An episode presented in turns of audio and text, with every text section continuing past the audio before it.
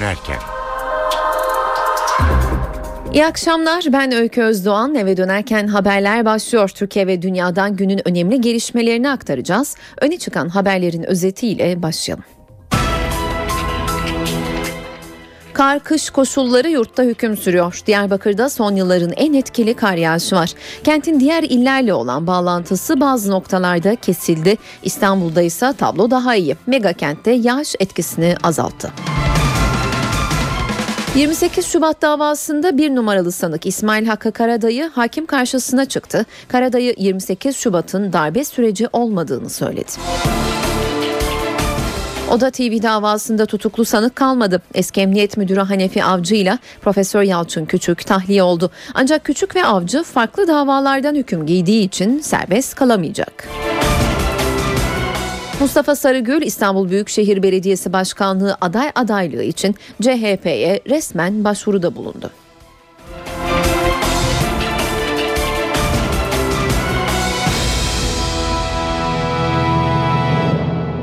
Yurtta kış koşulları hüküm sürüyor. Güneydoğu yıllar sonra ilk kez bu denli bir yağışla karşı karşıya. En çok etkilenen kent Diyarbakır. Diyarbakır'da okullar iki gün tatil edildi. Ayrıntıları NTV bölge temsilcisi Nizamettin Kaplan anlatıyor. Diyarbakır'da iki geceden bu yana devam eden karın etkisi bugün de gün boyu devam etti. Meteoroloji yetkilileri bu gece içinde yine Diyarbakırlıları uyardı. Şu ana kadar kar kalınlığı kent merkezinde 20 santimetre olarak ölçüldü. Tahminler yarın bu rakamın 40 santimetreye ulaşacağı yönünde.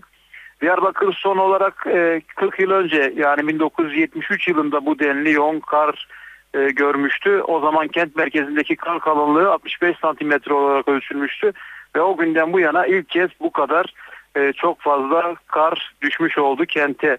Kar yağışı yarın aralıklarla devam edecek ancak Meteoroloji 15. Bölge Müdürlüğü yetkilileri hafta sonu için kuvvetli buzlanma ve don uyarısında bulundular. Diyarbakır Valisi Mustafa Cahit Kıraç da bugün merkez ilçe kaymakamları ve kamu kuruluşlarının müdürleriyle bir toplantı yaptı. Kar yağışı nedeniyle vatandaşların mağduriyet yaşamaması için her türlü önlemin alınmasını istedi. Bilindiği üzere Diyarbakır Valiliği dün okulları tatil etmiş, bugün okulları tatil etmişti. E, bu tatil uygulaması yarın da devam edecek. Kötü hava koşulları sadece kent merkezinde e, hissedilmedi. Tabii ki e, hava muhalefeti e, nedeniyle e, uçuşlar da iptal edildi. E, 18 uçuş söz konusuydu bugün Diyarbakır'da çeşitli hava yollarının e, hava yolları firmalarına ait ve o 18 uçuş hava muhalefeti nedeniyle iptal edildi. Dün de 8 uçuş yapılamamıştı yine kötü hava koşulları nedeniyle. Evet sabah saatlerinde Diyarbakırlılar e, güne uyandıklarında e, iş, yer, iş yerlerine giderken e, bir hayli sıkıntı yaşamışlardı. Kara hazırlıksız yakalanmışlardı. O nedenle birçok araç sabah saatlerinde e, yolda kalmıştı. Ama daha sonra hem belediye ekiplerinin çalışmaları hem karayollarının çalışmaları sıkıntıları bir nebze olsun giderdi. Ancak e, zaman zaman gün içerisinde yine e, zincir takmayan veya kar lastiği olmayan araçların e, karayollarında e, diğer e, yol e, diğer araçlara sıkıntı yarattığını e, gözlemledik. E, trafik ekipleri e, özellikle şehirler arası yollarda traf, e, zincir takılmaması e, ve kar lastiği olmaması durumunda e, yolculuğa izin vermeyeceklerini defalarca duyurdular. Bu sabah zaten yoğun kar yağışı nedeniyle Diyarbakır'ın çevre illerle de bağlantısı kesilmişti ama yapılan çalışmalar neticesinde şu anda e, çevre illere kontrollü olarak e, ulaşım sağlanıyor ama e, özellikle gece seyahat edilmemesi konusunda yetkililerin uyarıları devam ediyor. Nizamettin Kaplan NTV Radyo Diyarbakır.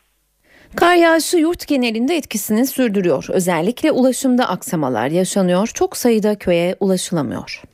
Tipi bastırdı, onlarca araç yolda kaldı. Yurt genelinde kar yağışı özellikle ulaşımı olumsuz etkiliyor. Kar kalınlığının 20 santimetreyi bulduğu Hakkari Şırnak Karayolu trafiğe kapandı. Çok sayıda araç saatlerce ilerleyemedi. Burada 70'e yakın araç mahsur kalmışız. Bu ay yo- yoğun tip, yağmur tipi ağır şey var. Doğuda yüzlerce köy yolu ulaşıma kapalı. Muş'ta Gültepe köyüne gitmek isteyenleri taşıyan minibüs tipi nedeniyle 4 saat yolda kaldı. Donma tehlikesi geçiren 8 kişiyi il özel idaresi ekipleri kurtardı. Kapıyı bile açamıyoruz. Pencereleri açamıyoruz. Hiçbir bir tane dışarı çıkamıyoruz. Balıkesir İzmir karayolunda da ulaşım aksadı. Bir tırın karıştığı kaza yüzünden İzmir'e gidiş yönü 2 saat trafiğe kapandı. Konakpınar mevkiinde uzun araç kuyruğu oluştu. Valla ileride arabalar kaymış herhalde turlar. Ee, yarım saatten beri bekliyorum. Karabük'te böbrek hastası Hurma Bozkurt için sağlık ekipleri seferber oldu. Ambulans eve yaklaşamadı. Sedye ile araca taşınan yaşlı kadın 4 saatte hastaneye ulaştırıldı. Dönüşte oraya oldu mu? Bir kurtarma operasyonu da Rize'de yapıldı. Ekipler doğa yürüyüşü için çıktıkları Kavron yaylasında mahsur kalan iki Amerikalı turist için harekete geçti. Turistler 2000 rakımda bir kayanın altına kurdukları çadırda bulundu. Ayder yaylasına indirilen Amerikalıların sağlık durumu iyi. Kar bugün de İstanbulluların hayatını etkiledi ancak dünkü kadar etkili olmadı. Ana yollar açık, ara sokaklar sıkıntılıydı. Hava ve deniz ulaşımında da yine iptal edilen seferler oldu. Ana yollarda trafik yoğunlaştı, ara yollardan araçlar çıkamadı. Gece boyu süren kar İstanbul'u beyaza bürüdü. Kar kalınlığı en yüksek Başakşehir, Beykoz ve Çavuşbaşı'nda ölçüldü. Gece boyu yapılan tuzlama çalışmaları nedeniyle ana yollarda büyük bir sıkıntı yaşanmadı. Ancak ara yollar karla kaplıydı. İstanbul'un yüksek semtlerindeki ara sokaklar tamamen beyaza büründü. Kar sabaha kadar aralıklarla yağdı. Zaman zaman şiddetini arttırdı ve kar kalınlığı neredeyse 30 santimetreyi buldu. İstanbul'da her zaman olan şeyler değil yani. 40 yılda bir olan güzel şeyler. Çocuklar için özellikle. İstanbul'da okullar tatil edilmedi. Ancak çocuklar eğlenceyi okula taşıdı. Oynamak istiyoruz. Kar var mı? Hadi gel oynayalım. Üç kişi var sınıfta. Bir ders işemeyece, işemeyeceğimiz için geri dönüyoruz. Okulların tatil olmamasına tepkili veliler de vardı. Dün mesela ben küçük çocuğumu getiremedim. Yer yolda geri kaldık. Bir buçuk saat yolda kaldık. Kar yağışından deniz ve hava ulaşımı da etkilendi. Hava şartları nedeniyle Türk Hava Yolları'nın iç hatlarda 55, dış hatlarda ise 26 seferi iptal oldu. Bazı İDO seferleri de yapılamadı. Soğukta sokakta kalan hayvanlar da unutulmadı. Bazı bölgelere hayvanlar için mama ve yem bırakıldı. Belgrad Ormanı'nda da geyikler için ormana yiyecek bırakıldı. Kar sebze fiyatlarını da vurdu, fiyatlar yükseldi. Örneğin domates ve bibere %100 zam geldi. Geçen hafta 1,5 liraya satılan ıspanak bugün pazarda 2 liradan alıcı buldu. Karadeniz'den gelen ve kar nedeniyle ulaşımı zorlaşan balıklarla da balıklarda da fiyat yükseldi. 5 liraya satılan hamsinin kilosu bugün 10 lira.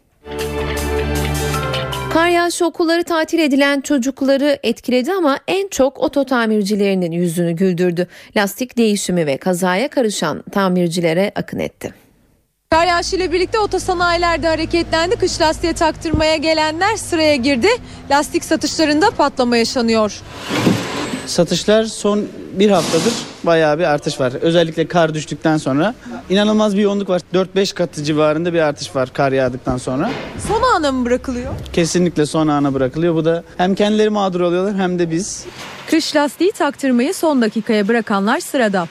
Biraz geciktirdim ama taktırmam gerekiyor artık kar, kış biliyorsunuz. O yüzden hemen ben de taktırmaya geldim. Evet, sıra da var. Çok sıra var evet. Şimdi vereceğim akşam alacağım. Benim arabam işte çift kabin kamyonet arkası çok hafif olduğu için normal arabalardan daha çok kaydırıyor. Onun için mecbur işte geldik buraya değiştireceğiz. Ve kazalar. Kar yağışının getirdiği kazalar kaportacıların işlerini artırdı. İşlerde açılma var. Yani milletin e, kar lastiği takmadan dolayı biraz kazalar arttı tabii. İstanbul'da kar yağışının başladığı salı gününden itibaren 46 yaralanmalı, 157 maddi hasarlı trafik kazası meydana geldi. Bu gece ve yarınki hava tahminlerini alalım. Şimdi NTV Meteoroloji Editörü Gökhan Aburu dinliyoruz. İyi akşamlar. Ege ve Batı Akdeniz'e yağış etkisini kaybetse de soğuk ve yağışlı hava yük etkisini yarın da sürdürecek. Sıcaklıkların cumartesi günü kıyı Ege'de, pazar günü ise batıda yeniden yükselmesini bekliyoruz. Yarın Marmara ve Karadeniz'de aralıklı, Doğu ve Güneydoğu'da daha kuvvetli olmak üzere kar yağışı devam edecek. Yağışların Van, Hakkari ve Diyarbakır, Şırnak, Batman, Mardin arasında çok daha kuvvetli olmasını bekliyoruz. Cumartesi günü doğuda yağış etkisini kaybederken Doğu Karadeniz'de daha kuvvetli olmak üzere Marmara'nın doğusu ve Karadeniz'de yağış görülecek. Pazar günü batıda sıcaklıklar yeniden yükselirken Orta ve Doğu Karadeniz'de yağışların aralıklarla devam etmesini bekliyoruz. Batıda rüzgarlar giderek zayıflıyor. Yarın yalnızca Bodrum ve civarında yine sert bir karayel var. İstanbul'da ise yarın hafif de olsa kar yağışı sabah saatlerine devam edecek. Yağış ilerleyen saatlerde sıcaklığın biraz yükselmesiyle karla karışık yağmura dönecek ve giderek etkisini kaybedecek. Sıcaklıkların en fazla 5 dereceye kadar çıkmasını bekliyoruz ama bu gece İstanbul'da yine aralıklarla kar var. Ankara'da kar yağışı etkisini kaybetti ama don ve buzlanma etkili. Sıcaklık ise gündüz eksi 1, gece eksi 8 derece olacak. İzmir'de rüzgar hafifleyecek ama hava oldukça soğuk. Sıcaklık gündüz 7, gece 0 derece olacak. Bu gece zirai don riski devam ediyor. Çiftçiler dikkatli olmalı. Hepinize iyi akşamlar diliyorum. Hoşçakalın. Saat 17.18 ben Öykü Özdoğan eve dönerken haberlerle yeniden karşınızdayız.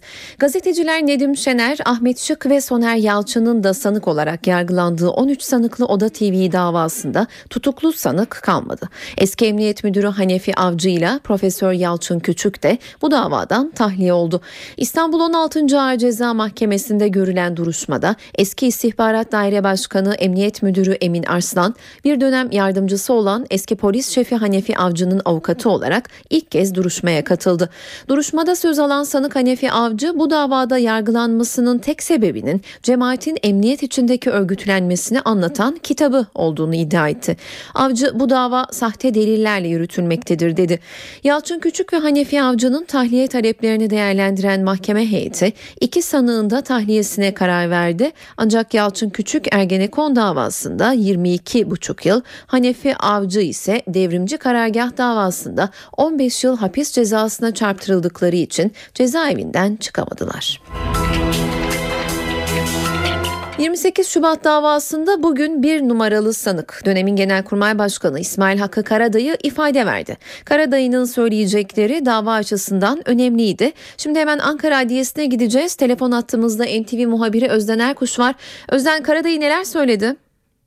Duruşma az önce son buldu. Bu 48. duruşmaydı 28 Şubat davası kapsamında ve şu anda da dönemin Genelkurmay Başkanı aynı zamanda iddianamedeki bir numaralı sanık İsmail Hakkı Karadayı da sabah geldiği Ankara Adliyesi'nden ayrılıyor. Sabah saatlerinde geldiğini söylemiştik. Önce bireysel savunmasını gerçekleştirdi. Öğleden sonraki oturumda ise e, önce mahkeme heyetinin ardından da avukatların çapraz sorgusundaydı. Onların sorularını yanıtladı. Dönemin Genelkurmay Başkanı İsmail İsmail Hakkı Karadayı.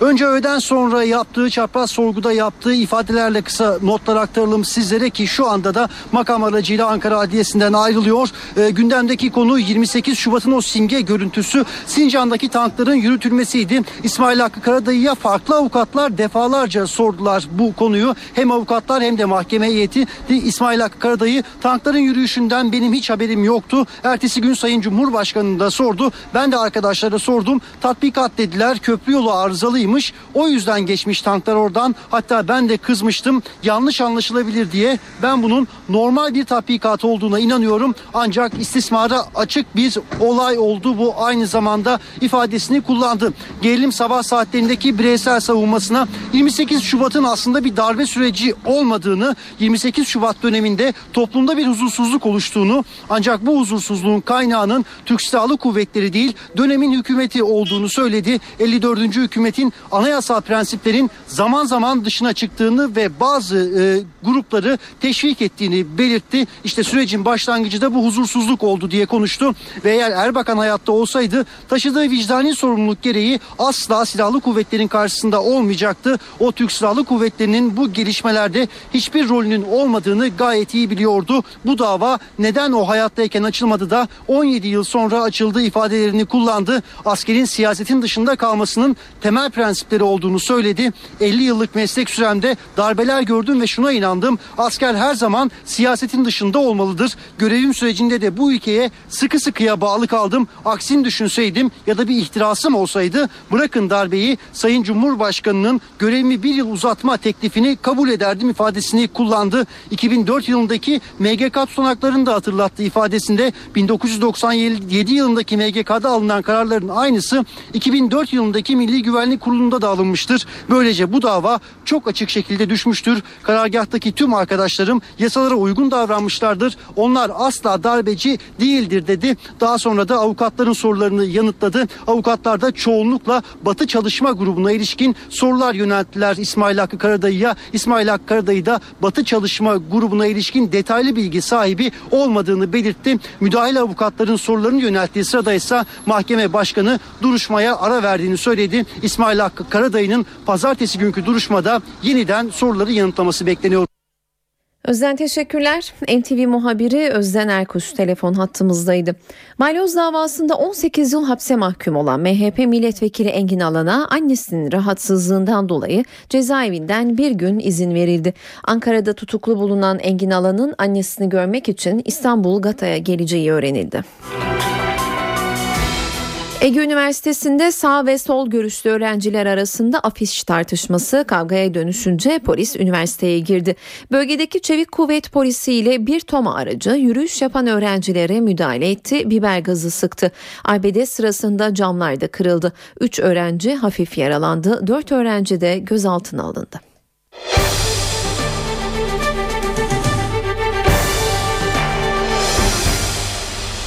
BDP ve MHP'den sonra CHP lideri Kemal Kılıçdaroğlu da Meclis Başkanı Cemil Çiçek'in Anayasa Uzlaşma Komisyonu ile ilgili yazdığı mektuba yanıt verdi.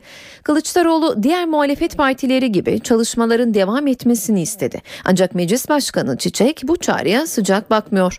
Cemil Çiçek Anayasa Uzlaşma Komisyonu Başkanlığını bıraktığını bir kez daha yineledi.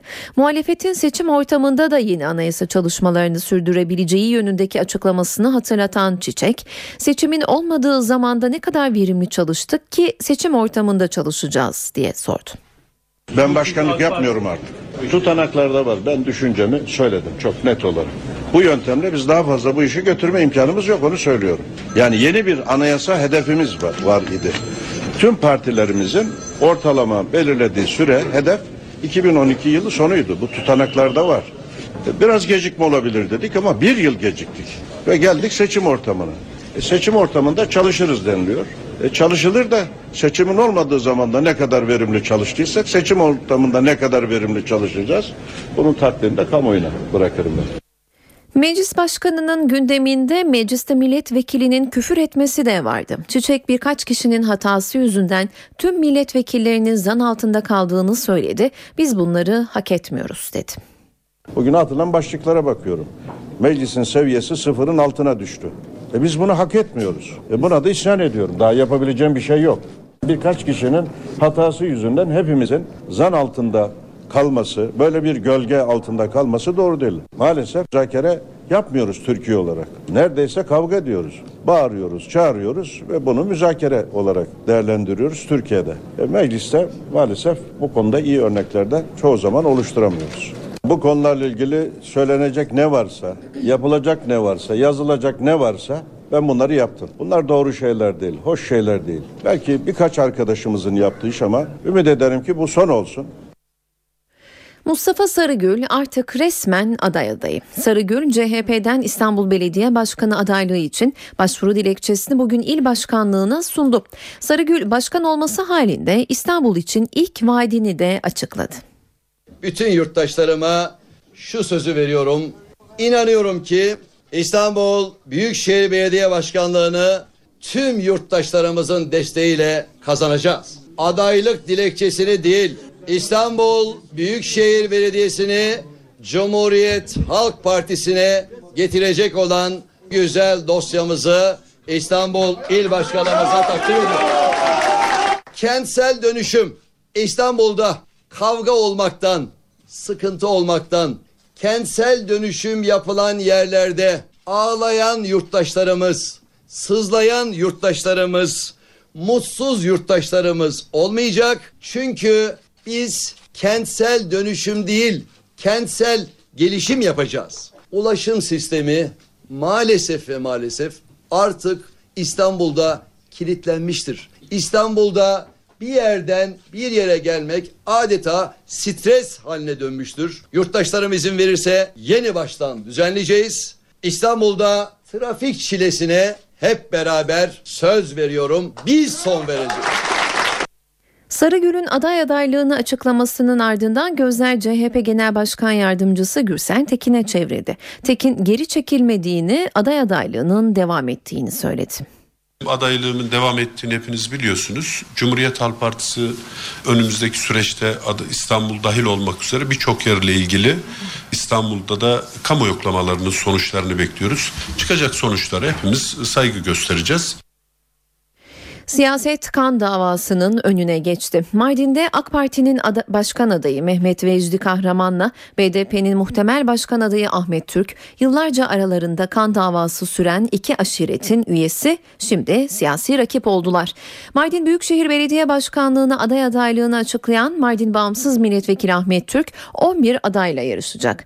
Türk'ün adaylığına kesin gözüyle bakılırken AK Parti Türk'ün karşısına bölgenin en büyük aşiretlerinden ve bir dönem Türk ailesiyle kan davalı olan Kahraman aşiretinden Vecdi Kahraman'ı koydu. Türk Kahraman'ın adaylığını biz artık kanlı değil rakibiz. Yaşananlar geçmişte kaldı. O olayı yok sayıyoruz. Görsem adaylığını tebrik ederim sözleriyle değerlendirdi. Türk'ün lideri olduğu Kanko aşiretiyle Vecdi Kahraman'ın mensubu olduğu Kahramanlar aşiretinden kan davası nedeniyle onlarca kişi öldü. O isimler arasında Ahmet Türk'ün 1970'lerde milletvekili yapan abisi Abdurrahman Türk de vardı. Meclise cemevi kurulması talebine mahkemeden de red kararı çıktı. Ankara 6. İdare Mahkemesi mecliste cemevi açılmasını reddeden meclis kararının bozulması talebiyle yapılan başvuruyu reddetti.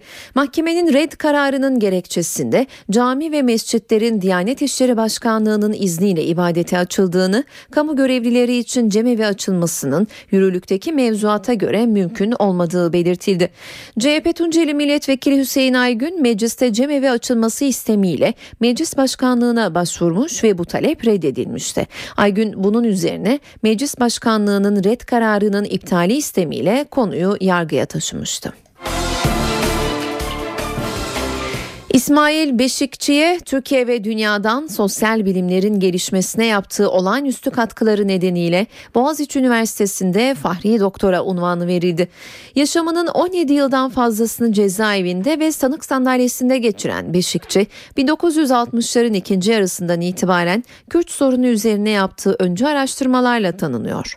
Ulusal ve uluslararası sivil toplum ve insan hakları kuruluşlarından birçok ödül alan Beşikçi'ye en son Hrant Dink Vakfı ödülü verilmişti.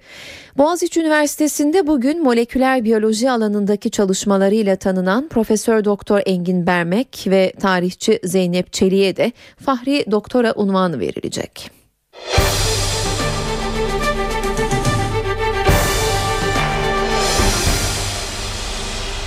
Amerikan Wall Street Journal gazetesi Türkiye'deki merdiven altı imalathanelerde üretilen sahte kanser ilaçlarının Amerika'ya kadar uzandığını yazmıştı. İki gün önce Türkiye'de 10 yıl yayılan dev bir operasyonla sahte ilaç çetesine baskın yapıldı. Aralarında eczane çalışanlarının da olduğu çok sayıda çete elemanı gözaltında. Çetenin zor bulunan ve çok pahalı olan kanser ilaçlarının sahtesini yaptıkları belirtiliyor. İşin içinde olanlar sahteyle gerçek ilacı anlayabiliyor. Bu çetede Şişli Etfal Hastanesi'nde görevli bir hemşirenin dikkatiyle ortaya çıkarıldı. Hemşire kanser hastasına verilen solisyon ilacın düşük yoğunluğundan şüphelendi, araştırdı. İlacın seri numarası doğruydu ancak son kullanma tarihi kayıtlardaki ilaca uymuyordu. Hemşirenin dikkati sahte ilacı ve çeteyi ortaya çıkardı. Sağlık Bakanlığı sıradan vatandaşın da ilacın sahte olduğunu saptayabilmesi için önümüzdeki günlerde kare kod uygulaması başlatacak. Buna göre vatandaş ilacın kare kodunun fotoğrafını çekip cep telefonuyla ilgili numaraya gönderecek ve güvenli olup olmadığını öğrenecek. Şimdi işin ayrıntısına gireceğiz. Telefon hattımızda Eczacılar Birliği Başkanı Erdoğan Çolak var. Sayın Çolak yayınımıza hoş geldiniz. Sağ olun efendim iyi yayınlar. Teşekkürler. Kare kod uygulaması dışında e, sıradan vatandaş gerçek ilaçla sahte ilacın ayrımını yapabilir mi? Bu nasıl olabilir? Kare kod uygulaması e, dünyada e, uygulayan ender ülkelerden birisiyiz. İlacın üretiminden tüketimine hastaya ulaşana kadar tüm aşamalarını kontrol eden ve takip eden bir sistemdir. E, bu tabii kare kod uygulaması ile ilgili olarak asıl mesele tüm dünyada e, ilaç sahteciliğinin de gelişmesi üzerine alınmış bir tedbirdir. Ve Türkiye bunu gerçekten öncelikli hayata geçiren ülkelerden birisidir. E, o yüzden kare kodlu ilaçların sahte olma şansı yoktur. E, yani vatandaş da üzerinde kare kodlu olmayan ürünleri e, almaması gerekir. E, çünkü tüm ürünlerde kare kod uygulaması mevcuttur. Peki Sayın Çolak e, tüm dünyada ilaç sahteciliğinin gelişmesi üzerine kare kod uygulaması geliştirildi dediniz. Bakan Pardon sesiniz çok az geliyor bana. e, şimdi duyabiliyor musunuz daha rahat? Evet şimdi daha rahat. Peki kare kod uygulaması ilaç sahteciliğinin gelişmesi üzerine oluşturuldu dediniz. Bakanlığın kare kod uygulaması sahte ilaçların sonunu getirir mi sizce? E, e, şimdi şöyle zaten Türkiye'de sahte baktığınızda çok büyük ölçekte değil. Yani bu operasyonla gerçekten uluslararası bir Türkiye sahte ilaç konusunda en az sahte ilaca sahip ülkelerden birisi. Gelişmiş ülkelerde bile yüzde altı oranında bir sahte ilaç mevcut. Ee, gelişmekte olan ülkelerde yüzde yirmi, geri kalmış ülkelerde yüzde elliye kadar sahte ilaç mevcut tüm dünyada. Türkiye ilaç takip sistemiyle birlikte bunu en az düzeye indirmiş vaziyette ve e, yasal e, prosedürle çalışan hiçbir kurumdan bir sahte ilacın çıkıp vatandaşa ulaşabilmesi mümkün değil. E, bu e, yasal olmayan yollardan alınmasıyla ancak mümkün olabilen, piyasaya girebilen bir şey. Burada da e, birkaç gündür konuşuyoruz. İnternet, SMS ve hastane önlerindeki simsarlar bu işin e, teşvikçisi ve aldırıcısı konumundalar. Vatandaşın bunlara e, itibar etmemesi gerekiyor. Peki e, bu uygulamadan herkes nasıl yararlanacak? Cep telefonu olmayanlar örneğin cep telefonu kullanmayanlar sahte ilacı nasıl fark edecek? Bunu herhangi bir eczaneye giderek bu ilacın kare kodunun doğru olup olmadığını öğrenebilir. Çünkü biz sürekli ilaç takip sistemine girip ilaçlarla ilgili bilgileri alabiliyoruz. Herhangi bir eczaneden de bununla ilgili bilgi alabilir. İlle de fotoğraf çekip e, Sağlık Bakanlığı'nın e, şey ilaç takip sistemine sorgulatması gerekmiyor. Eczaneler de sorgulayabilirler bunu çok rahatlıkla. Peki Sayın Çolak sahte ilaçların sağlığa zararlarına da değinmenizi isteyeceğiz. Kanser ve birçok önemli hastalığa deva olsun diye alınan bu ilaçlar sahte ise bunların vücuda ne gibi etkileri oluyor? Sahte ilaçların üretiminde hangi maddeler kullanılıyor örneğin? Şimdi şöyle yani içinde ne tür maddeler kullanılıyor bilmiyoruz. Her kullanılan maddenin vücuda ayrı bir etkisi var. Şimdi siz şöyle düşünün yani bir elmayı yediğinizde ondan yararlanımınız farklı ve farklı vücudunuzun farklı bölgeleri bundan etkileniyor. Bir ceviz yediğinizde daha farklı. Yani ilaç da böyle bir şeydir. Yani siz e, o ilacın içerisinde hangi madde varsa vücuda öyle etki eder. Mesela bu operasyonda bir kısım ilaçların un ve tuz içeriğiyle yapıldığı filan söyleniyor. E bunun vücuda çok fazla bir faydası olmaz. Ancak bir zararı da olmaz. Kanser ilaçları ise eğer bunlar bu yapılan şeyler sadece hastalığı geciktirir.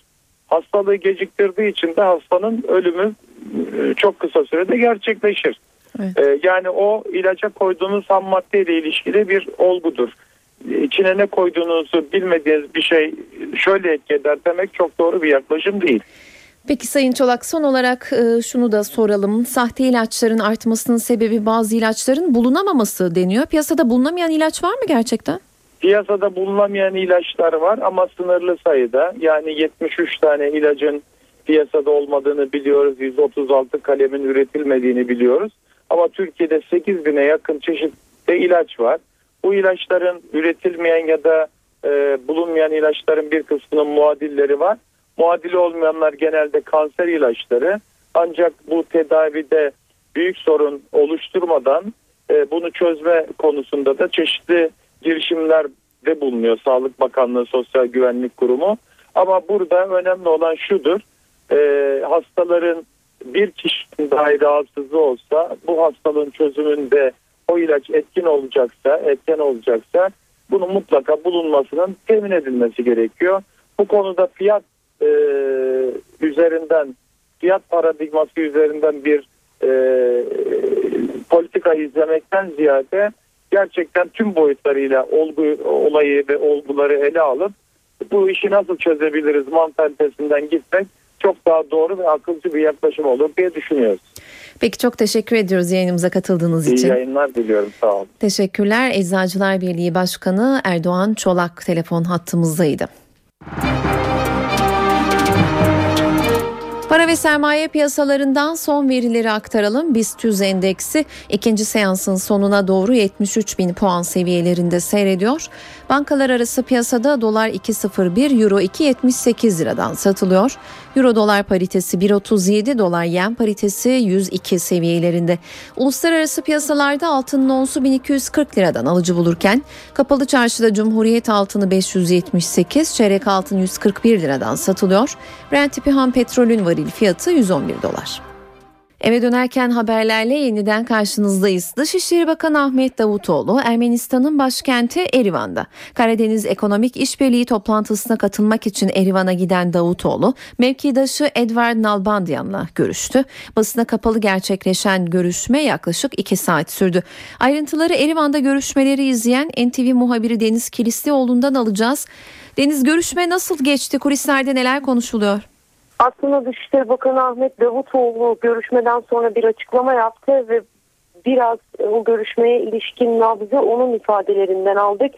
Taraflar pozisyonlarını koruyor. En azından Davutoğlu'nun açıklamalarından bunu anlıyoruz.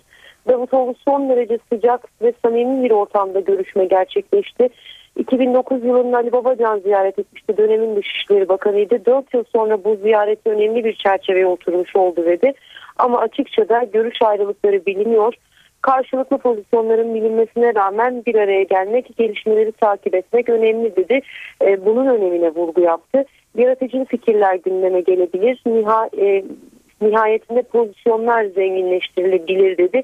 Hala bazı çabaların olduğunu ifade etti ama anlaşılan o ki Ermenistan ve Türkiye pozisyonlarını koruyor. Türkiye'nin pozisyonu başından itibaren Azerbaycan'a rağmen bir adım atmamak. Eğer Ermenistan'la ilişkileri normalleştirecekse, sınır kapılarının açılması yönünde bir adım atacaksa bazı konularda Ermenistan'ın adımları atıp Azerbaycan tarafında memnun etmekte aslında.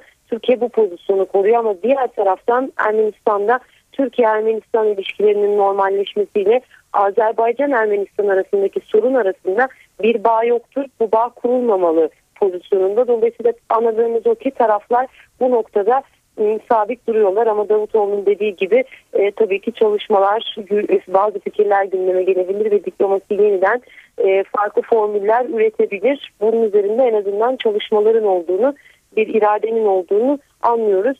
E, Davutoğlu yine basın toplantısında bir seferde sorunların çözüldüğü intibarına kapılmak mümkün değil ama meseleleri açıkça konuşmadan çözüm olmaz. E, psikolojik eşiğin aşılması önem taşıyordu dedi. Bu görüşmenin o anlamda da önemine vurgu yaptı. Ama bundan sonra görüşme yeni görüşmeler olacak mı?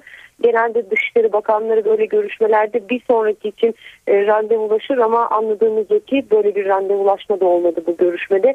Genel hatlarıyla çerçeve buydu, buydu Davutoğlu'nun yaptığı açıklamaların çerçevesinde. Deniz teşekkürler. NTV muhabiri Deniz Kilisoğlu telefon hattımızdaydı. Bangladeş'te Molla'ya idam cezası üzerine Başbakan Recep Tayyip Erdoğan devreye girdi. Bangladeş Yüksek Mahkemesi Cemaati İslami Partisi Genel Sekreter Yardımcısı Abdülkadir Molla'ya verilen idam cezasını onayladı. Molla 15 gün içinde devlet başkanından af isteyebilir. 1971'de bağımsızlık savaşı sırasında insanlığa karşı suç işlemekten suçlu bulunan Molla, Şubat ayında ömür boyu hapis cezasına çarptırılmış. Temiz Mahkemesi kararı idama çevirmişti.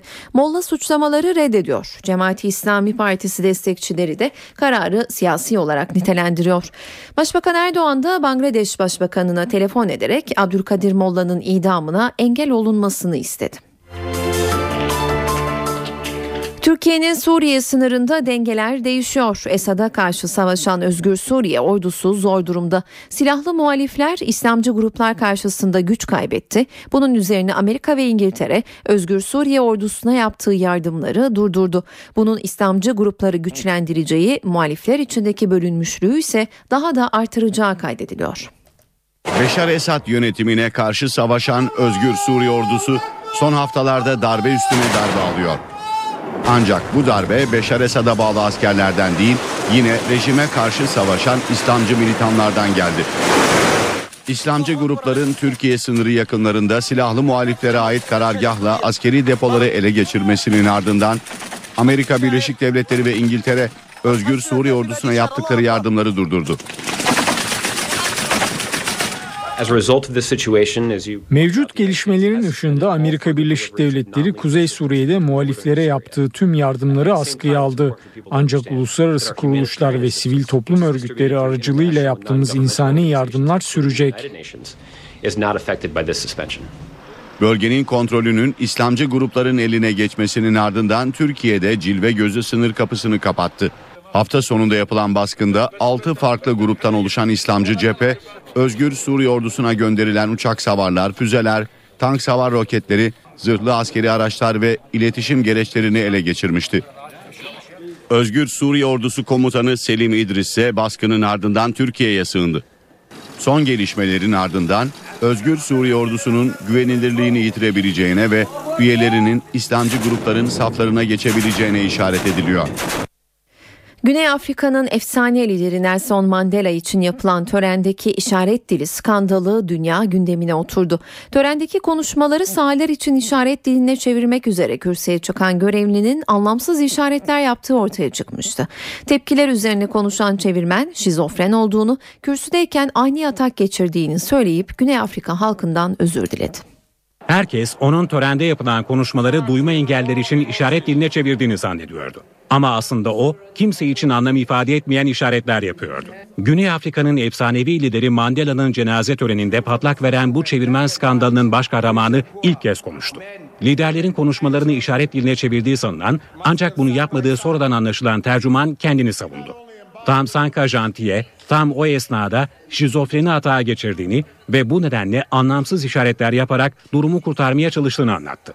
I see angels come to the stadium. Birdenbire sesler duymaya başladım ve halüsinasyon gördüm.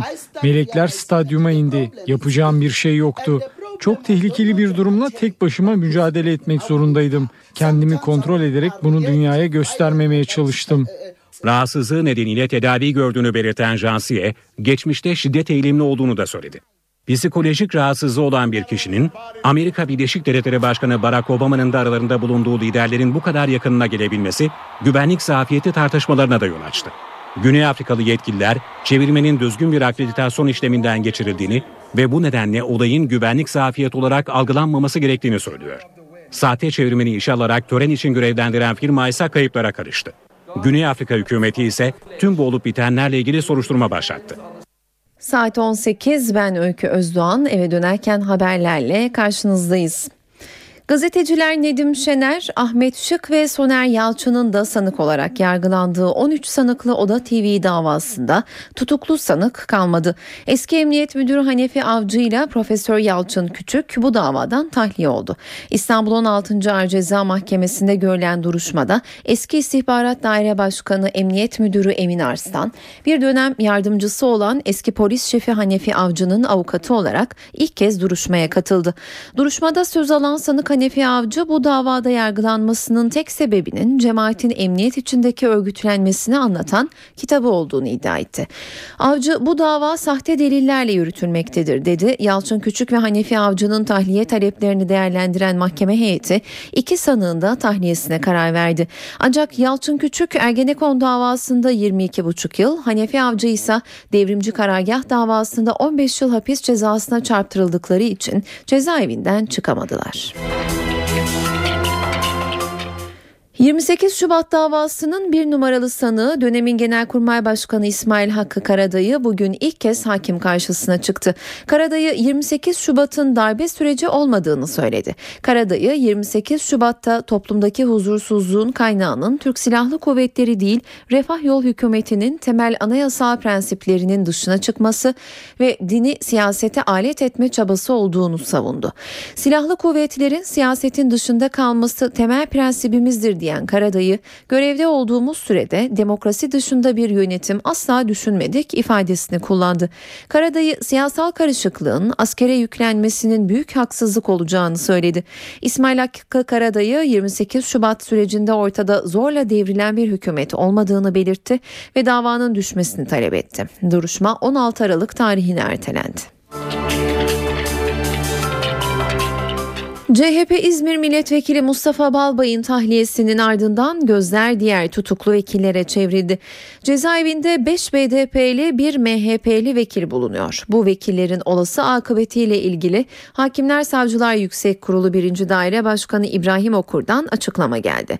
Okur BDP'liler tahliye olabilir gibi duruyor ancak MHP'li Engin Alan için bunu söylemek zor dedi. Okur Anayasa Mahkemesi'nin CHP İzmir Milletvekili Mustafa Balbay için verdiği seçilme hakkının ihlali yönündeki kararın KCK davasından yargılanmakta olan tutuklu 5 milletvekili için 5 BDP'li vekil için yol gösterici olacağına dikkat çekti. İbrahim Okur KCK davasına bakan hakimler de yarın başvuru yapılırsa Anayasa Mahkemesi bu davayla ilgili benzer kararlar çıkaracak diyerek tutuklu milletvekillerine yönelik ihlali şimdiden sonlandırmayı seçebilir. Böyle düşünürlerse tabii ki doğru da yapmış olurlar dedi. Balyoz darbe planı davasında aldığı 18 yıl hapis cezası Yargıtay tarafından onanan MHP İstanbul Milletvekili Engin Alan'ın durumunu da değerlendiren İbrahim Okur, kararın kesinleştiğine dikkat çekerek KCK davasındaki BDP'li vekiller sadece tutuklu oldukları için çıkabilir. Engin Alan hakkındaki hüküm kesinleşti. O yüzden bunun alanı kapsamadığı düşüncesindeyim dedi. Balyoz davasında 18 yıl hapse mahkum olan MHP milletvekili Engin Alan'a annesinin rahatsızlığından dolayı cezaevinden bir gün izin verildi. Ankara'da tutuklu bulunan Engin Alan'ın annesini görmek için İstanbul Gata'ya geleceği öğrenildi.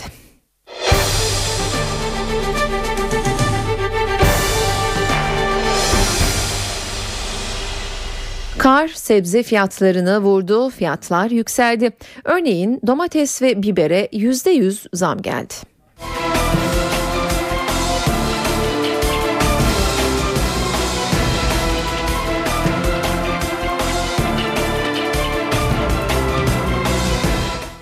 Kar kış yurtta hüküm sürüyor. Dün İstanbul konuşuluyordu. Bugün Diyarbakır öne çıktı. Kentte uzun yıllar sonra bu denli kar yağdı. Okullar iki gün tatil edildi.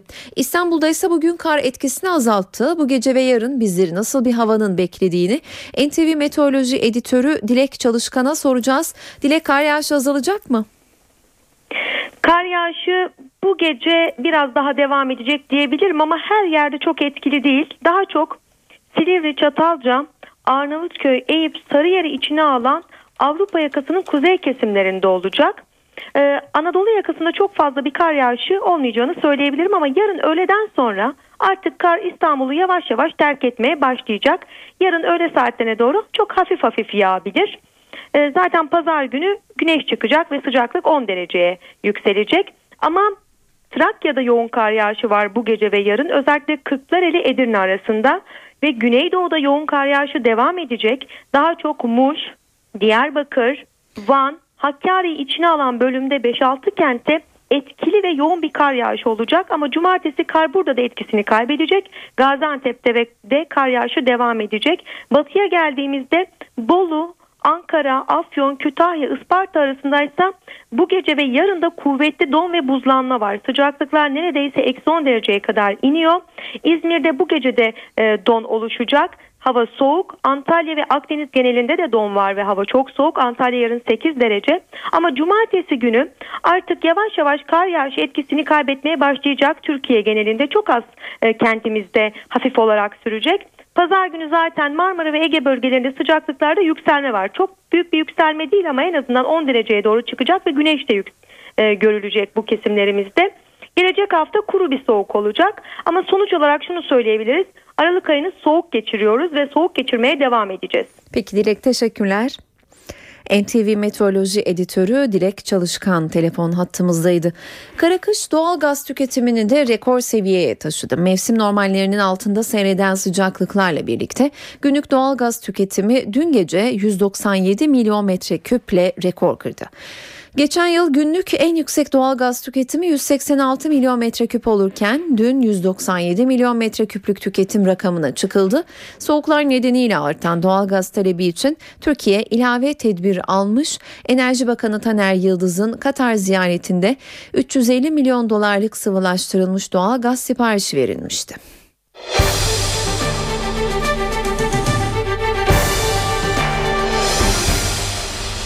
UEFA Avrupa Ligi'nde mücadele eden Trabzonspor gruptaki son maçına liderliğini korumak için çıkacak. Bordo Mavililer deplasmanda Lazio ile karşılaşacak. 22'de başlayacak olan zorlu müsabaka NTV ve NTV Radyo'dan naklen yayınlanacak. Şimdi ayrıntıları NTV Spor muhabiri Onur Tuğrul'dan alacağız. Onur 11'ler belli oldu mu? Bağlantımızda bir problem var sanıyorum. Onur'la tekrar irtibata geçmeye çalışacağız.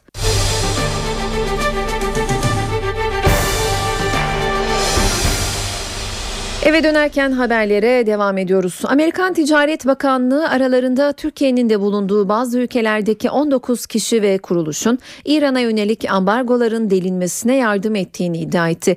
İddiaya göre bu kuruluşlar İranlı havayolu şirketi Mahan Air'a yardım etti. Amerika ticari bir havayolu olan Mahan Air'ı İran'ın askeri birliklerine para ve ulaşım sağlamak ve Suriye'ye silah taşımakla suçluyor. Ermenistan, Yunanistan, İran, Tayland ve Birleşik Arap Emirlikleri de ambargoyu delen ülkeler arasında gösteriliyor.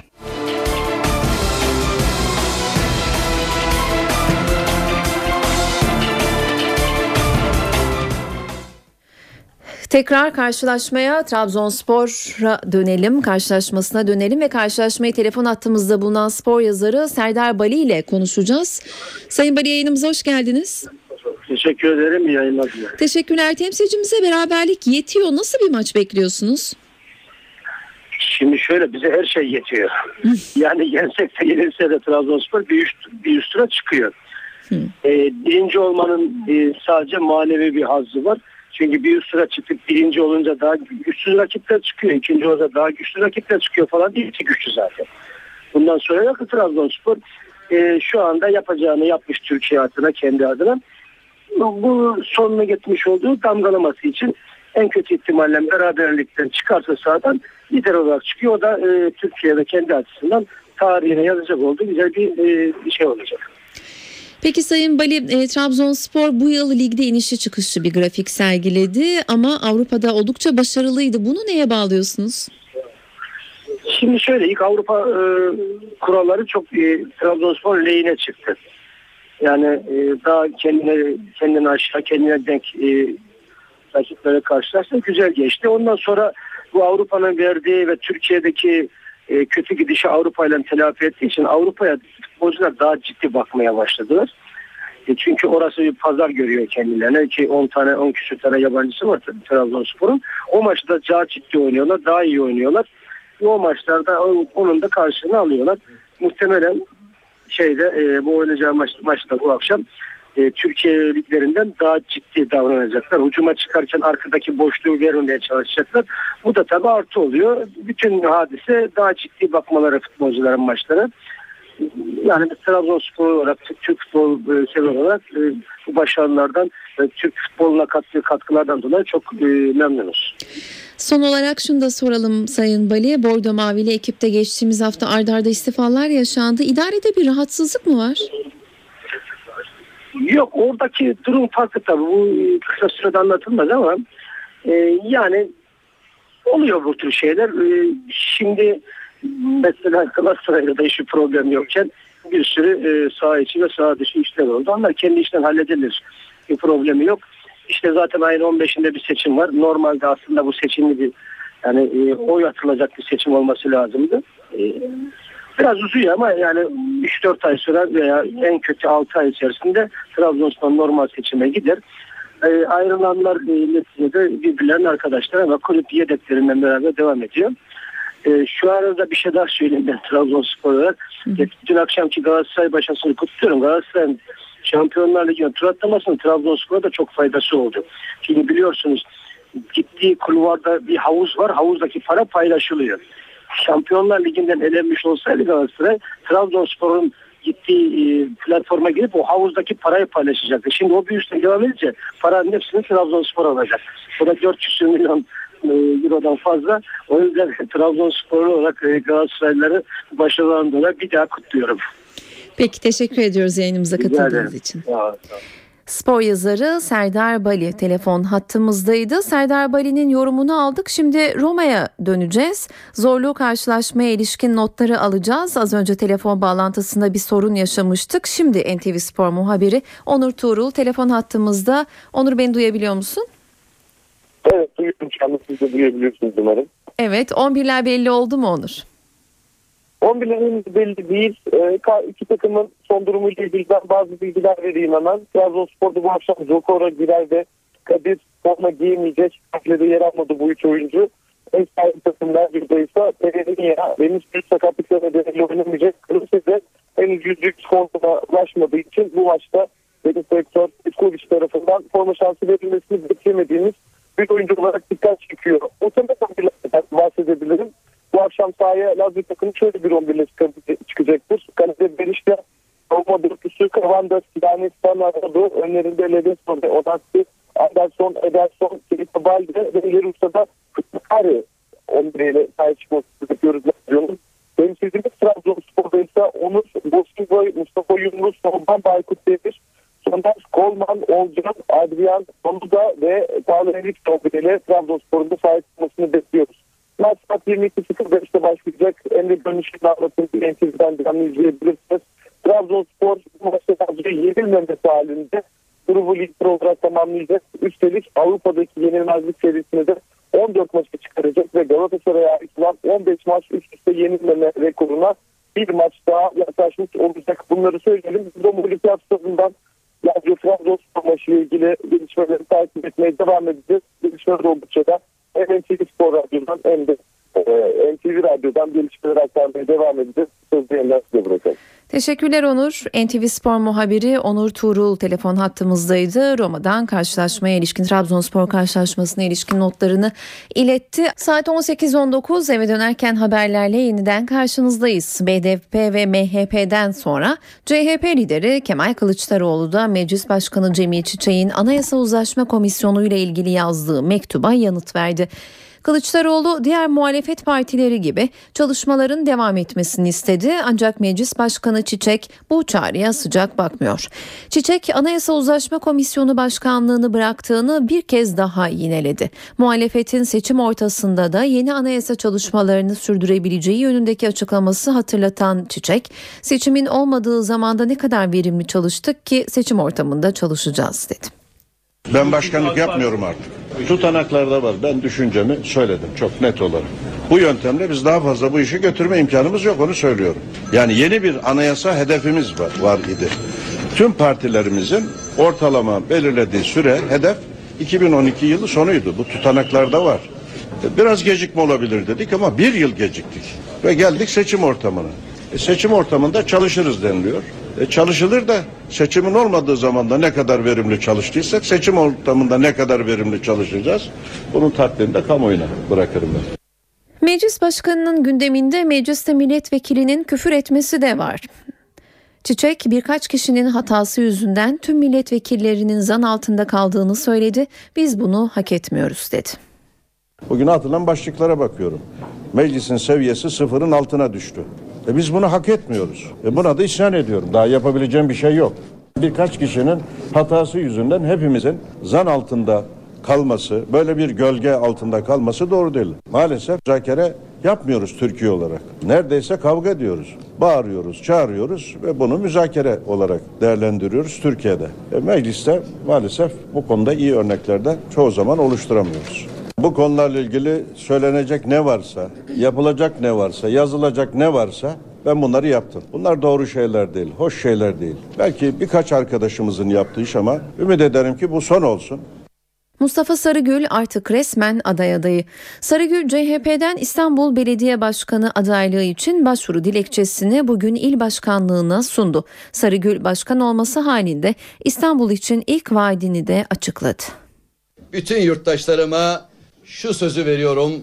İnanıyorum ki İstanbul Büyükşehir Belediye Başkanlığı'nı tüm yurttaşlarımızın desteğiyle kazanacağız. Adaylık dilekçesini değil, İstanbul Büyükşehir Belediyesi'ni Cumhuriyet Halk Partisi'ne getirecek olan güzel dosyamızı İstanbul İl Başkanımıza takdim ediyorum. Kentsel dönüşüm İstanbul'da kavga olmaktan, sıkıntı olmaktan, kentsel dönüşüm yapılan yerlerde ağlayan yurttaşlarımız, sızlayan yurttaşlarımız, mutsuz yurttaşlarımız olmayacak. Çünkü biz kentsel dönüşüm değil, kentsel gelişim yapacağız. Ulaşım sistemi maalesef ve maalesef artık İstanbul'da kilitlenmiştir. İstanbul'da bir yerden bir yere gelmek adeta stres haline dönmüştür. Yurttaşlarım izin verirse yeni baştan düzenleyeceğiz. İstanbul'da trafik çilesine hep beraber söz veriyorum biz son vereceğiz. Sarıgül'ün aday adaylığını açıklamasının ardından gözler CHP Genel Başkan Yardımcısı Gürsel Tekin'e çevrildi. Tekin geri çekilmediğini, aday adaylığının devam ettiğini söyledi. Adaylığımın devam ettiğini hepiniz biliyorsunuz. Cumhuriyet Halk Partisi önümüzdeki süreçte İstanbul dahil olmak üzere birçok yerle ilgili İstanbul'da da kamu yoklamalarının sonuçlarını bekliyoruz. Çıkacak sonuçlara hepimiz saygı göstereceğiz.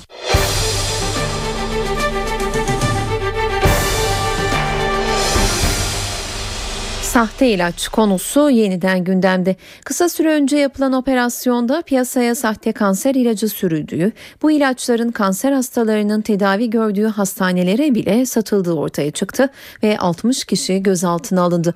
Peki Türkiye'deki sahte ilaç kullanımının boyutu ne ve ne gibi önlemler almak gerekiyor? İşte ayrıntılar.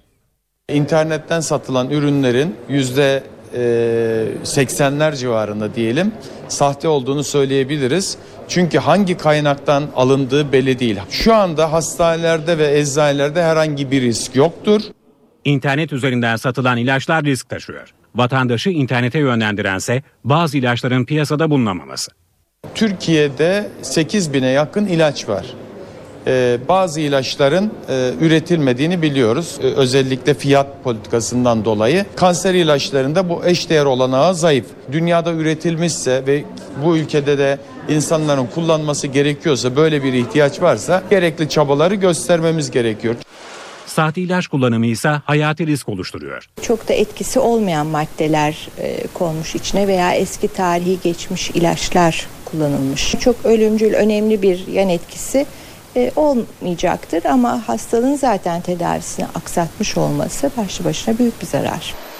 Peki sahte ilaca karşı nelere dikkat etmek gerekiyor? İlaç şişelerini çok iyi kontrol etmeleri lazım.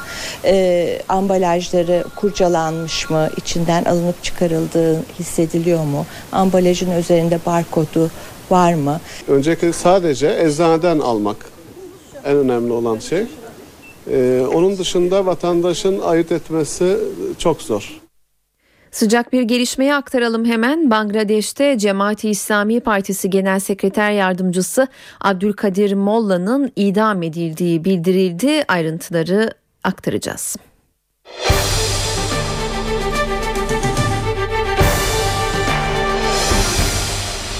Ukrayna'da günlerdir devam eden protesto gösterileri yönetimin tavrında değişikliğe yol açtı. Devlet Başkanı Viktor Yanukovych geri adım attı. Yanukovych Avrupa Birliği ile işbirliği anlaşması imzalamak istediğini söyledi. Açıklamayı Avrupa Birliği Dış Politika Şefi Catherine Ashton yaptı. Başkent Kiev'de Yanukovych ile görüşen Ashton, Ukrayna Devlet Başkanı'nın kendisine Avrupa Birliği ile işbirliği anlaşmasına imza atmak istediğini söylediğini belirtti. Ancak Ashton bu imza için için tarih vermedi. Birleşmiş Milletler Çocuklara Yardım Fonu UNICEF 161 ülkede yaptığı bir araştırmanın sonucunu açıkladı. Rakamlar ürkütücü. UNICEF'e göre dünyada tam 230 milyon çocuğun kaydı yok. Dünya genelinde yaklaşık 230 milyon çocuğun doğum belgesi yok. Birleşmiş Milletler Çocuklara Yardım Fonu UNICEF'in raporu bunu gösteriyor. UNICEF'in 161 ülkede yaptığı araştırmaya göre 2012 yılında doğan bebeklerin yaklaşık %60'ının kaydı var. Doğum belgesi olmayan çocukların sayısının en yüksek olduğu ülkeler Güney Asya ve Afrika'da. Somali, Liberya ve Etiyopya gibi Afrika ülkelerinde ise sadece 10 bebekten birinin kaydı tutuluyor. Raporda ailelerin kayıt yaptırmama gerekçeleri, ücretler, mevcut kanunların farkında olmamak ve ayrımcılık korkusu olarak gösteriliyor. UNICEF nüfus kaydı olmayan çocukların eğitim, sağlık ve sosyal güvenlik gibi temel hizmetlerden faydalanamadıklarına dikkat çekiyor. Kuruluş doğal felaket, çatışma ortamlarıyla suistimal nedeniyle kaybolan çocukların nüfus kayıtları olmaması durumunda aileleriyle birleştirilmelerinin de zorlaştığını kaydediyor. Dünya Sağlık Örgütü kanser teşhisi konulan hasta sayısının yılda 14 milyonu aştığını açıkladı. Kanser vakalarıyla birlikte ölümlerde de artış var. Kanser vakaları her geçen yıl artıyor. Dünya Sağlık Örgütü'nün açıkladığı son veriler çarpıcı. Buna göre 2012'de kansere yakalananların sayısı 14 milyonu aştı. Bu rakam 2008'de 12 milyondu. Kanser nedeniyle ölümlerde de artış var. 2012'de kanserden ölenlerin sayısı 2008'e göre 7,6 milyondan 8,2 milyona yükseldi. Dünya çapında en sık görülen kanser türü ise akciğer kanseri olarak belirlendi.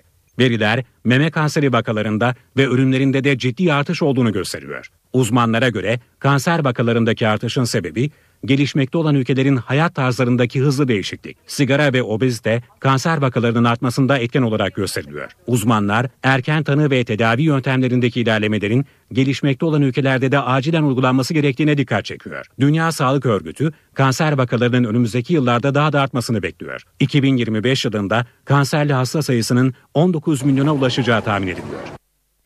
Bir sağlık haberi daha. Dünyadaki gelişmiş ülkeler giderek daha fazla insanı etkileyen demans yani bunama hastalığına çözüm bulunabilmesi için harekete geçiyor. İngiltere Başbakanı David Cameron hastalığın 12 yıl içinde tedavisinin bulunmasının hedeflendiğini açıkladı. Belirlenen hedefe ulaşılırsa şu an 30'lu ve 40'lı yaşlarda olanların bunama riskleri de ortadan kalkacak. Her 4 saniyede bir dünyada bir kişiye bunama teşhisi konuluyor. Dünya genelinde tam 44 milyon kişi bunamadan müzdarip. Üstelik bu sayının 2030 yılında 76 milyona çıkması bekleniyor. Bu karamsar tablo gelişmiş ülkeleri harekete geçirdi.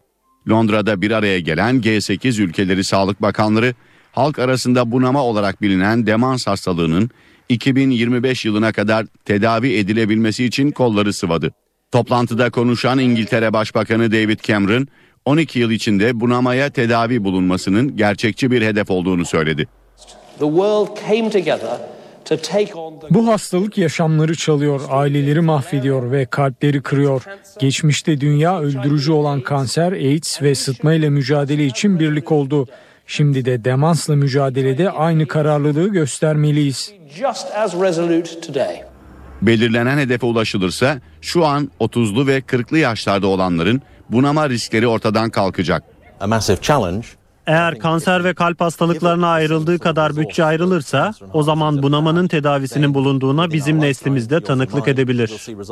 Uzmanlar en azından 5 yıl içinde hastalığı yavaşlatacak bir ilaç bulunacağı konusunda umutlu. Demans şu an tedavi edilemiyor ve beyin fonksiyonları yok oldukça hastalar bakıma muhtaç hale geliyor. Geçtiğimiz günlerde yapılan bir araştırmada Akdeniz tarzı beslenmenin bunama ile mücadelede en iyi yöntemlerden biri olduğu tespitine varılmıştı. Saat 18.36 ben Öykü Özdoğan eve dönerken haberler spor gündemindeki gelişmelerle devam ediyor. UEFA Avrupa Ligi'nde mücadele eden temsilcimiz Trabzonspor gruptaki son maçına liderliğini korumak için çıkacak. Bordo Mavililer deplasmanda oynayacağı Lazio maçını kaybetmemesi halinde grubu birinci bitirecek. UEFA Avrupa Ligi C grubu son maçında İtalya'nın Lazio takımıyla deplasmanda karşılaşacak. Trabzonspor rakibiyle liderlik mücadelesi verecek. Topladığı 13 puanla ikinci tur biletini cebine koyan Bordo Mavililer 11 puanla ikinci sırada yer alan Lazio karşısında grup liderliğini korumaya çalışacak. Karadeniz ekibi yenilmemesi halinde ilk kez katıldığı UEFA Avrupa Ligi grubundan birinci olarak çıkma başarısı gösterecek. Bordo Mavililer Avrupa Kupalarında son yenilgisini 23 Şubat 2012'de deplasmanda Hollanda'nın PSV Eindhoven takımı karşısında 4 birlik sonuçla aldı. O tarihten sonra 657 gündür mağlubiyet yüzü görmeyen Karadeniz ekibi yenilmezlik serisini de 14'e çıkararak Galatasaray'ın 15 maçlık yenilmezlik rekoruna da bir adım daha yaklaşmak istiyor. Trabzonspor İtalyan rakibi karşısında kazanması halinde arda arda Avrupa kupalarında 6. deplasman galibiyetini elde ederek Türkiye'de bir başarıya da imza atacak. Trabzonspor'da Henrique ve Olcan Adın UEFA Avrupa Ligi ön eleme, playoff ve grup maçlarında ön plana çıkan oyuncular oldu. Brezilyalı futbolcu 8 gol, Olcan Adın da 5 gol olmak üzere Bordo Mavili takımın Avrupa'da kaydettiği 26 golün 13'üne imza atma başarısı gösterdi. Hemen hatırlatalım karşılaşmayı bu gece saat 22.05'ten itibaren NTV ve NTV Radyo'dan naklen dinleyebileceksiniz. Trabzonspor Teknik Direktörü Mustafa Akçay ve Olcan Adın NTV Spor'a konuştu. Akçay oyuncularının Lazio maçına motive olması için liderliğin en önemli neden olduğunu belirtirken Olcan ise grupta ilk sırayı çok istediklerini ifade etti. Çok kısa bir zaman önce sorun gibi gözüken ekonomik sorunların büyük bir bölümü Sayın Başkanımız İbrahim Bey tarafından yani fedakarca yaptığı çalışmalarla belli bir bölümü ortadan kaldırılmış oldu. Bu bir kere oyuncu arkadaşlarımızın motivasyonunu yükselten bir durum. İkincisi e, karakterli bir oyuncu kitlesi bu işi istiyor. Uluslararası arenada mesleki açıdan kariyer yapmak da bir ceplerinin bir tarafında duruyor. Tüm bunlar bir araya geldiğinde önemli bir e, motivasyon kaynakları olarak söylenebilir. Trabzon şehrinin e, e, iddialı insanlardan kurulu olması ve her e, olayda, her oluşumda, her harekette hep birinci olma isteklerinin genetik kodlarında olmuş olması teknik adam olarak sizlerin, oyuncuların işlerini zaman zaman zorlaştırdığını ifade etmek istedim aslında. Avrupa'da takım olarak çok iyi bir performans gösteriyoruz. Fakat bunu lig müsabakalarına iç saha işte deplasmanlarda pek yansıtamıyoruz. Yani bizim adımıza şöyle yarınki maç iki iyi takımın karşı karşıya gelmesi olarak görüyorum. Biz de iyi oynuyoruz, iyi futbol oynuyoruz Avrupa'da. Yani inşallah berabere ya da kazanarak ama öncelikle hedefimiz kazanmak grubu lider bitirmek istiyoruz. Her maça futbolcular farklı bir şekilde hazırlanırlar. Bu maçta bizim için farklı çünkü bakarsak Lazio ile oynuyoruz. İtalya'nın iyi takımlarından, köklü takımlarından biri. Her futbolcunun her maça farklı bir konsantre şekli vardır. Bugün bu yarınki maçta bizim adımıza hem bir ilkleri başarmak, hem grup lideri olmak, hem uzun süre yenilmemezlik Avrupa'da rekorunu tekrar kırmak. Yani çok önümüze başarmak için çok neden var. İnşallah bunları da yarın bir şekilde başarırız. Galatasaray Juventus'u Snyder'in golüyle yenerek Şampiyonlar Ligi'nde üst üste iki sezon gruptan çıkmayı başaran ilk Türk takımı oldu. Sarı Kırmızılı takım bu galibiyetle ayrıca UEFA takım sıralamasında da 33. basamağa yükseldi. Galatasaray Juventus'u Snyder'in golüyle yenerek Şampiyonlar Ligi'nde üst üste iki sezon gruptan çıkmayı başaran ilk Türk takımı oldu. Snyder'in galibiyet golü Galatasaray'a grupta 3 puan kazandırırken UEFA sıralamasında Sarı Kırmızılara ve Türkiye'ye çok daha fazlasını getirdi. Avrupa kupalarına katılımın belirlendiği UEFA sıralamasında galibiyete 2 puan veriliyor. Ancak bu gol gruptan çıkmayı da sağladığı için 5 puan getirdi. Dolayısıyla toplam 7 puanlık katkı sağladı. Bu puan katılan takım sayısı olan 5'e bölündüğünde Türkiye'nin puanını 1.4 arttırdı. 4.900'den 6.300 puana ulaşan Türkiye sıralamada Yunanistan'ı geçerek 11.liğe yükseldi. Snyder'ın golünün Galatasaray'a katkısı ise 7.280 puan oldu. Sarı Kırmızılar 46.980 puandan 54.260 puana, sıralamada ise 44. basamaktan 33. sıraya yükseldi. İşin bir de ekonomik boyutu var. Sadece UEFA'nın Şampiyonlar Ligi ödemesinde Snyder'ın golü 4 milyon euro fark yarattı. Galatasaray bu sezon Şampiyonlar Ligi'nde geldiği noktayla yayın payı hariç 14 milyon 600 bin euro almaya hak kazandı. Bunun 8.6 milyonu gruplara katılımdan, 2.5 milyonu gruptaki 7 puan için ve 3.5 milyonu da ikinci tura kaldığı için geldi. Galatasaray geçen sezon Şampiyonlar Ligi'nden 5 milyon 282 bin euro yayın havuzundan olmak üzere toplam 24 milyon 780 bin euro gelir elde etmişti.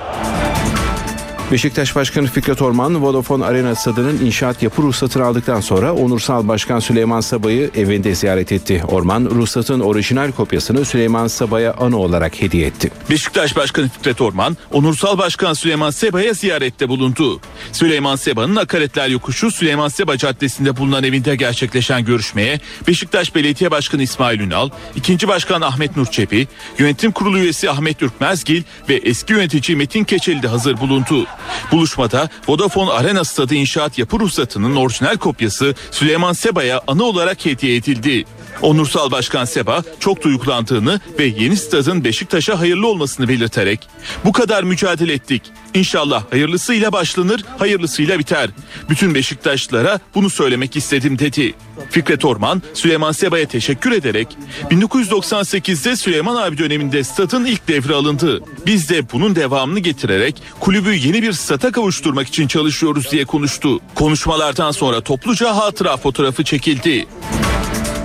Turkish Airlines Euroleague'deki iki temsilcimiz bugün sahne alıyor. Fenerbahçe Ülker Partizan'ı konuk ederken Anadolu Efes Litvanya deplasmanında Zalgiris Kaunas'la karşılaşacak. Üst tura çıkmayı garantileyen Fenerbahçe Ülker A grubu 9. maçında Sırbistan'ın Partizan takımıyla Ülker Sports Arena'da karşı karşıya gelecek. Sarı lacivertliler grupta oynadığı 8 maçta 7 galibiyet, 1 yenilgi ve 15 puanla lider durumda bulunuyor. Fenerbahçe Ülker Partizan maçı bu akşam saat 21.45'te NTV Spor Smart'tan naklen yayınlanacak. Anadolu Efes'e Euroleague B grubu 9. hafta maçında deplasmanda Litvanya temsilcisi Zalgiris Kaunas'la oynayacak. Lacivert Beyazlılar maçı kazanırsa top 16 turu biletini cebine koyacak. Maç saat 19'da NTV Spor'dan canlı yayınlanacak. Eve dönerken haberler kültür sanatla devam ediyor. Günün etkinliklerinden öneriler var sırada. Los Vivancos bu akşam İstanbullu sanatseverler için sahnede olacak. Flamenco'nun prensleri Los Vivancos son gösterileri Aternum'la bir flamenco şöleni sunacak İstanbul'da. Performansa Cemal Reşit Rey konser salonu ev sahipliği yapıyor. Etkinlik başlama saati 20. Sakıp Sabancı Müzesi'nde ise İstanbul resitalleri kapsamında Christina Ortiz dinlenebilir. Piyanonun büyük hanımefendisi Christina Ortiz saat 20'de The Seed'de olacak bu akşam. Red Priest'te bir konser veriyor bugün. Basında Rolling Stones ve Cirque du Soleil gibi gruplarla kıyaslanan tek erken dönem müzik topluluğu olan Red Priest saat 20'de klasik müzik severlerin karşısında olacak. Performans başlama saati 20. Cehan Barbur ise BKM mutfak sahnede hayranlarıyla bir araya geliyor. Barbur sevilen şarkılarını seslendireceği konserine saat 20'de başlıyor. Piyatango ise Beyoğlu Hayal Kahvesi'nde olacak bugün. Modern tangonun başarılı gruplarından Piyatango saat 22.30'da sevenlerinin karşısında olacak. Oğuzhan Uğur da Ankaralı sevenleri için bir konser veriyor. Sanatçının konserini If Performance Hall ev sahipliği yapıyor. Konser başlama saati 21. Tiyatro severler için de önerilerimiz olacak. 6'dan sonra tiyatro Kimsenin Ölmediği Bir Günün Ertesiydi oyununu sahneye koyuyor bu akşam İstanbul'da. Sumru Yavrucuğun yönetip oynadığı oyun bugünün dünden farksız olduğu bir coğrafyada varoluşunun tehdit olarak algılandığı bir kadının tek kişilik gösterisi. Ebru Nihan Celkan'ın kaleme aldığı oyuna kumbaracı 50 ev sahipliği yapıyor. Oyun saat 20.30'da açıyor perdelerini. Gözlerimi kaparım, vazifemi yaparım adlı müzikal ise şehir tiyatroları Ümraniye sahnesinde görülebilir. 31 Mart olayıyla başlayan ve 1960 yılının ortalarına kadar devam eden süreçte ülkemizin siyasal ve toplumsal durumunu sahneye taşıyan oyun saat 20.30'da başlıyor. Bu akşam evdeyseniz CNBC'ye The Enemy at the Gates izlenebilir. Jude Law ve Ed Harris'in rol aldığı filmin başlama saati 22. Öncesinde ise saat 21'de Person of Interest ekranda olacak. Star TV'de de saat 20'de yerli dizi Aramızda Kalsın ekrana gelecek. Saat 19 ben Öykü Özdoğan eve dönerken haberlerin bu bölümüne günün öne çıkan gelişmelerinin özetiyle başlıyoruz. Bangladeş'teki infazın durdurulması için Başbakan Erdoğan da devreye girdi ancak indama engel olamadı. Cemaati İslam Partisi yöneticisi Abdülkadir Molla'nın idam edildiği bildirildi. Kar kış koşulları yurtta hüküm sürüyor. Diyarbakır'da son yılların en etkili kar yağışı var. Kentin diğer illerle olan bağlantısı bazı noktalarda kesildi. İstanbul'da ise tablo daha iyi. Mega kentte yağış etkisini azalttı. 28 Şubat davasında bir numaralı sanık İsmail Hakkı Karadayı hakim karşısına çıktı. Karadayı 28 Şubat'ın darbe süreci olmadığını söyledi. Oda TV davasında tutuklu sanık kalmadı. Eski Emniyet Müdürü Hanefi Avcı ile Profesör Yalçın Küçük tahliye oldu. Ancak Küçük ve Avcı farklı davalardan hüküm giydiği için serbest kalamayacak. Mustafa Sarıgül İstanbul Büyükşehir Belediyesi Başkanlığı aday adaylığı için CHP'ye resmen başvuruda bulundu.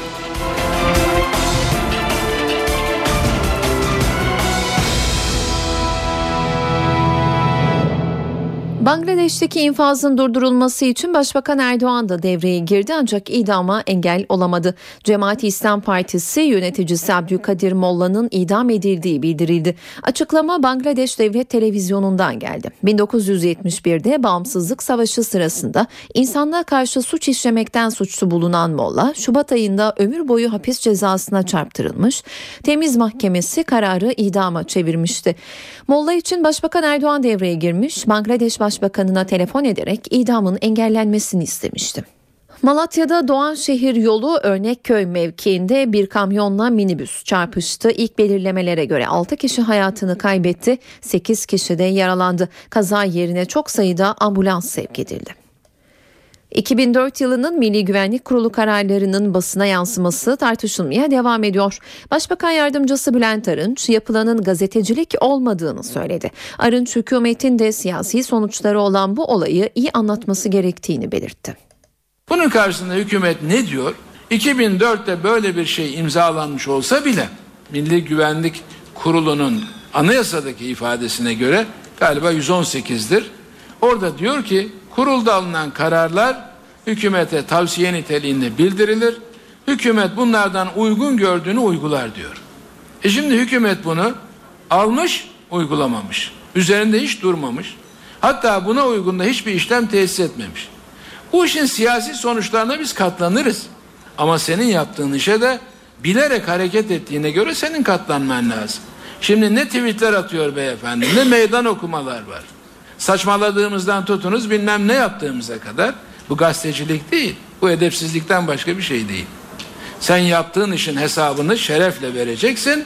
Bu taraftan da siyasi sonuçları olan bir olayı hükümet ya anlatacak ya anlatamayacak. Bunun altında kalacak. Gazeteciler Nedim Şener, Ahmet Şık ve Soner Yalçın'ın da sanık olarak yargılandığı 13 sanıklı Oda TV davasında tutuklu sanık kalmadı. Eski Emniyet Müdürü Hanefi Avcı ile Profesör Yalçın Küçük de bu davadan tahliye oldu. İstanbul 16. Ağır Ceza Mahkemesi'nde görülen duruşmada eski İstihbarat Daire Başkanı Emniyet Müdürü Emin Arslan bir dönem yardımcısı olan eski polis şefi Hanefi Avcı'nın avukatı olarak ilk kez duruşmaya katıldı. Duruşmada söz alan sanık Hanefi Avcı bu davada yargılanmasının tek sebebinin cemaatin emniyet içindeki örgütlenmesini anlatan kitabı olduğunu iddia etti. Avcı bu dava sahte delillerle yürütülmektedir dedi.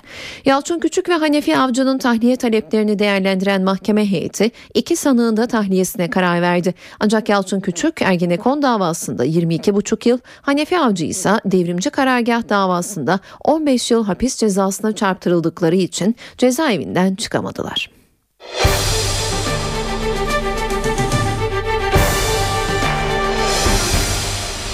4 milyon kişiye müjde. Devlet ve üniversite hastanelerinden ücretsiz, özel hastanelerdense fark ödeyerek yararlanmak için 2012 yılında uygulamaya giren genel sağlık sigortası sistemi kapsamında primlerini ödemeyenlere iyi haber geldi. 18 yaşını dolduran, çalışmayan ve öğrenci olmayanların sağlık hizmetlerinden yararlanması için ödemesi gereken GSS prim borçlarına af için düğmeye basıldı. Çalışma Bakanlığı'nın torba yasa tasarısının içine koyacağı düzenlemeyle 4 milyon kişinin prim borcu silinecek. Bu konuda Gazi Üniversitesi öğretim üyesi Profesör Cem Kılıç'ın bilgisine başvuracağız. Sayın Kılıç yayınımıza hoş geldiniz. Merhaba, hoş bulduk. Uygulama nasıl olacak onu soralım önce. AF'la birlikte vatandaşa hastane kapıları açılacak denebilir mi? Şimdi genel sağlık sigortası priminde bir tahsilat sorunu yaşanıyor. Ee, bildiğiniz gibi gelir testi yöntemiyle e, bireyler sigorta kapsamında olmayanlar prim ödemeden ya da e, kademeli bir şekilde prim ödeyerek sağlık imkanlarından yararlanıyorlar. Prim ödememek yani eski anlamıyla adıyla hatta yeşil kartlı olanlar açısından söz konusu. Eğer aile içerisinde kişi başına geliriniz asgari ücret üçte birinden düşükse prim ödemeden yararlanıyorsunuz. Ama asıl sorun burada prim ödeyenler ya da ödeyecek olanlar bakımından ortaya çıkıyor. Henüz daha iş gücü piyasasına girmemiş, henüz daha herhangi bir mesleği işi olmayan insanlara prim öde dediğiniz zaman elbette bu ödenecek bir durum olmaktan çıkıyor. Hem kendisi hem de aileler için. Şimdi bu konuda e, son bir yıllık çalışmalara baktığımızda bir ortak çözüm de bulunamadı. Yani e, acaba bu prim sistemi kalksın mı yoksa devam mı etsin? E, ama bu arada borçlar da birikti. Yaklaşık 4 milyar TL'ye yakın genel sağlık sigortası prim borcu birikti. E, edindiğim bilgi 1,5 milyon civarında e, vatandaş ilgilendiriyor. Şimdi bunlar için torba yasada biraz önce de sizin ifade ettiğiniz gibi bir e, düzenleme olabilecek.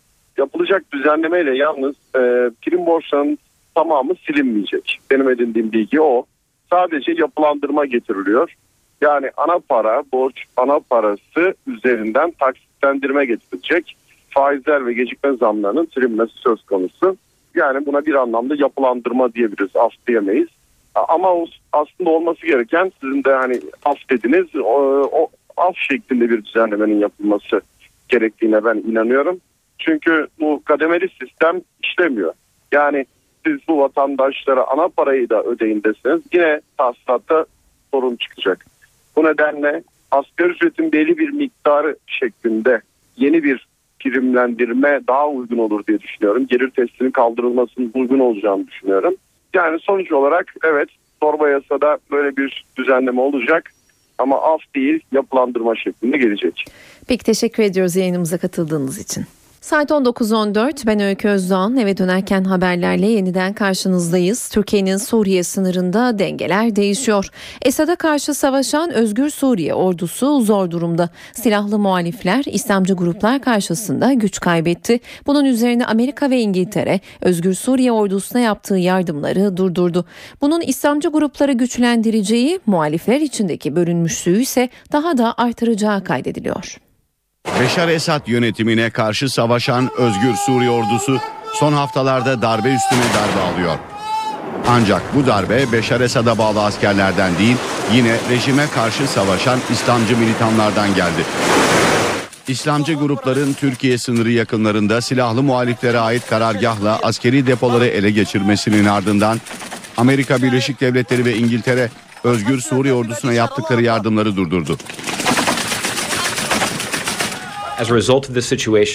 Mevcut gelişmelerin ışığında Amerika Birleşik Devletleri Kuzey Suriye'de muhaliflere yaptığı tüm yardımları askıya aldı. Ancak uluslararası kuruluşlar ve sivil toplum örgütleri aracılığıyla yaptığımız insani yardımlar sürecek. Bölgenin kontrolünün İslamcı grupların eline geçmesinin ardından Türkiye'de cilve gözü sınır kapısını kapattı. Hafta sonunda yapılan baskında 6 farklı gruptan oluşan İslamcı cephe, Özgür Suriye ordusuna gönderilen uçak savarlar, füzeler, tank savar roketleri, zırhlı askeri araçlar ve iletişim gereçlerini ele geçirmişti. Özgür Suriye ordusu komutanı Selim İdris ise baskının ardından Türkiye'ye sığındı. Son gelişmelerin ardından Özgür Suriye ordusunun güvenilirliğini yitirebileceğine ve üyelerinin İslamcı grupların saflarına geçebileceğine işaret ediliyor. Rusya Devlet Başkanı Vladimir Putin Amerika Birleşik Devletleri'ni eleştirdi. Suriye ve İran konusunda mesajlar verdi. Putin süper güç olmaya talip değiliz, kimseye nasıl yaşayacağını öğretecek değiliz dedi. Bölgesel ve küresel hakimiyet kurmak için gerekli görülen ve bazılarının nitelediği gibi süper güç tanımlamasına talip değiliz. Kimsenin çıkarlarına karışmıyoruz. Kimseye görüşümüzü dikte etmiyoruz. Kimseye nasıl yaşayacağını öğretmiyoruz. Rusya Devlet Başkanı Vladimir Putin 2013'ü değerlendirdiği konuşmasında Amerika Birleşik Devletleri'ni bu sözlerle eleştirdi.